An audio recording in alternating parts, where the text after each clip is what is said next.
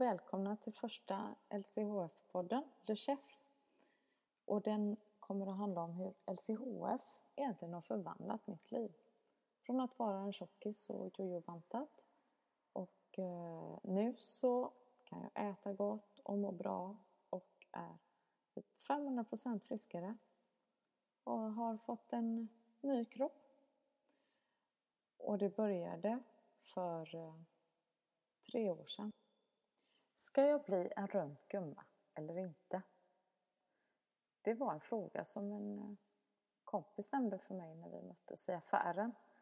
Så jag tänkte, hmm, ja, 42 år var jag. Kände som att det var dags att bestämma sig. Och då bestämde jag mig. Nej, jag tror inte att jag vill bli en rund gumma. Utan nu är det dags att verkligen ta tag i det.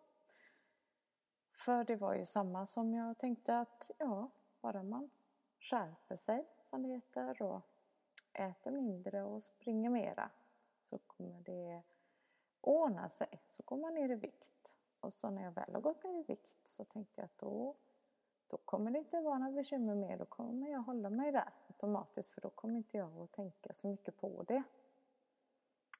Vad man ska äta, om man ska och inte äta.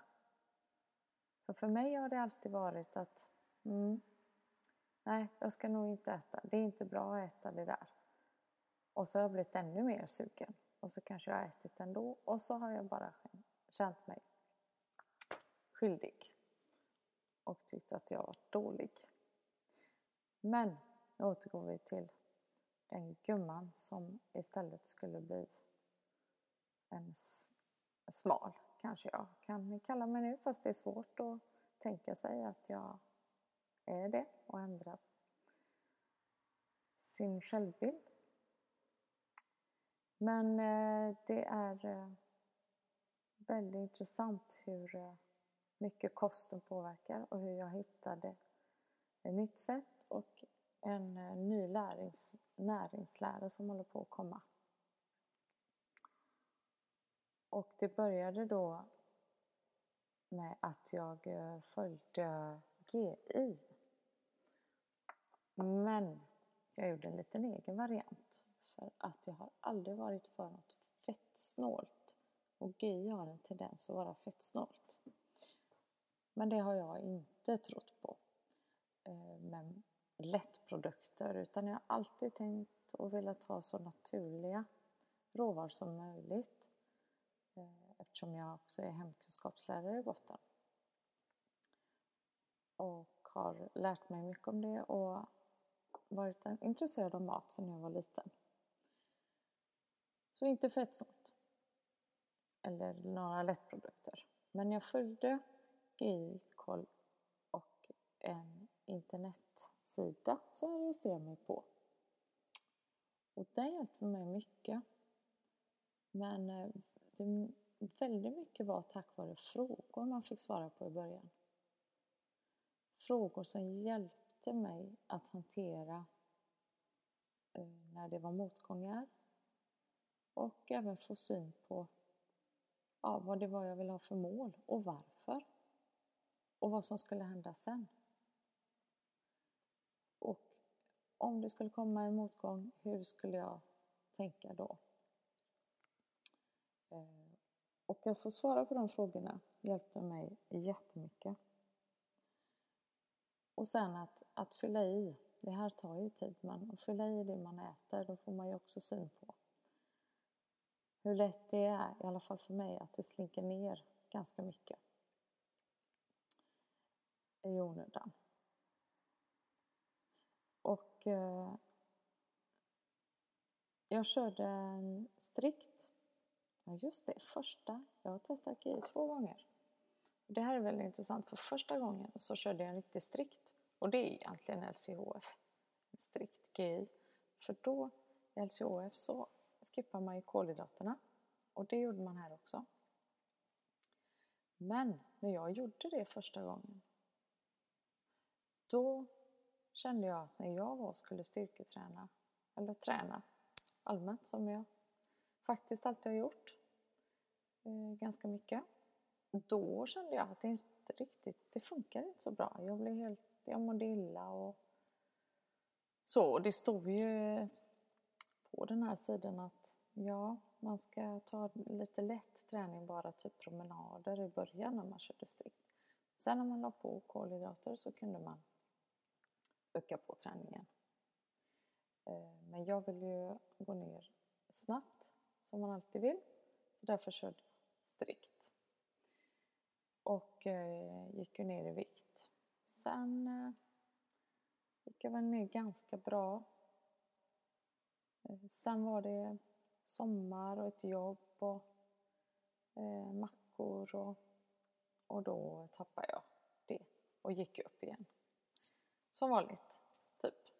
Same old. Det var liksom ingen skillnad. Suget tog överhand.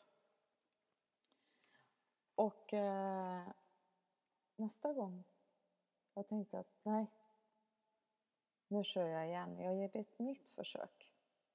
Men eh, jag ska nog inte köra så strikt då, för jag vill ju kunna träna. Så jag åt typ en macka om dagen. Började. Och gick ner bra. Eh, men sen så var det, lite, var det svårt att riktigt nå det målet jag hade tänkt mig. Och eh, då läste jag, kom jag över eh, Smal med LCHF av Katrin Zytomierska och Matrevolutionen av Andreas Enfeldt. Och eh, jag hade tidigare läst lite om Annika Dahlqvist och LCHF.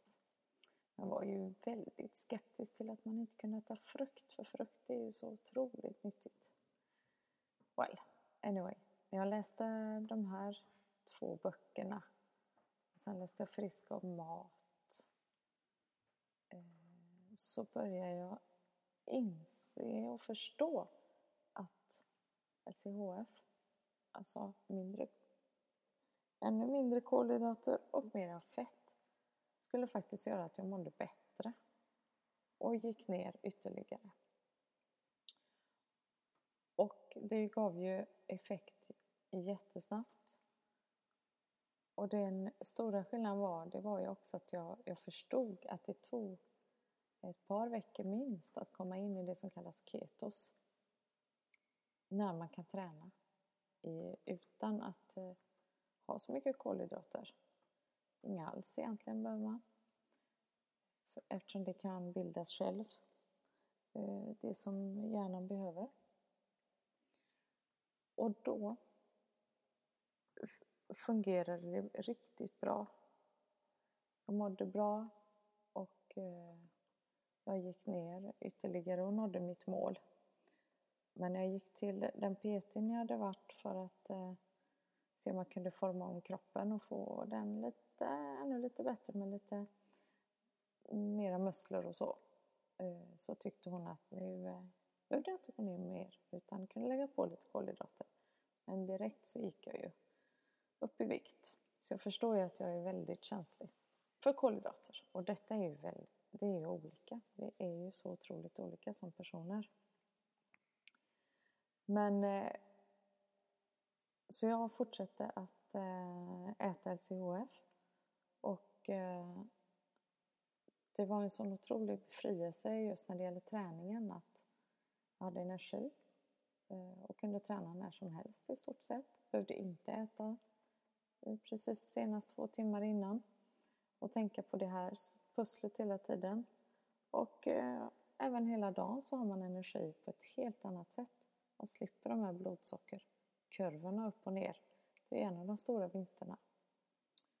Att eh, man inte behöver äta så ofta helt enkelt. Eh, de där mellanmålen och fikarna, det är liksom, det bara kan ju vara en social grej. Så nu räcker det med kaffe emellan, helt enkelt. Och eh, det är ju väldigt gott när man kan äta riktig mat som är baserat på fisk och ägg och eh, kött och smör och olivolja och goda såser och majonnäs och så. Och det kan även vara ost och grädde och nötter och så. Om man eh, ska stå still i vikt. För mig, för att gå ner i vikt, så behöver vi vara lite försiktig med nötter och bär och kanske även grädden och lite med osten får jag vara lite försiktig med. Men eh, den andra stora vinsten är ju att jag blivit mycket friskare.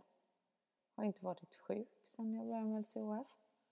Och eh, min eh, urinvägsinfektion säga är borta. Även mina båda flickors eh, infektioner.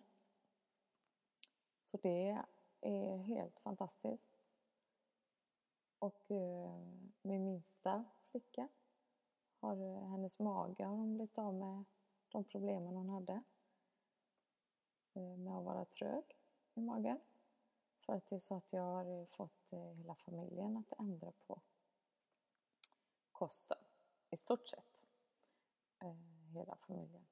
Äldste sonen är väl lite mer liberal och äter lite mer kolhydrater. Samt så, så tål han nog lite mer. Men jag, jag tror ju helt enkelt att det är bra för alla att äta mindre kolhydrater än vad vi allmänt gör i samhället idag. I nästa avsnitt så kommer jag fortsätta berätta om vad som egentligen var den stora avgörande som gjorde att jag ändå kunde tänka att det här kan stämma. För en av nycklarna som var svårt att eh, tänka att det kunde vara bra, det är ju det mättade fettet för att det är ju farligt för kolesterolet. Men eh, det kommer jag berätta om hur det fick, vad som fick mig att tänka om i nästa avsnitt. Hoppas vi hörs igen.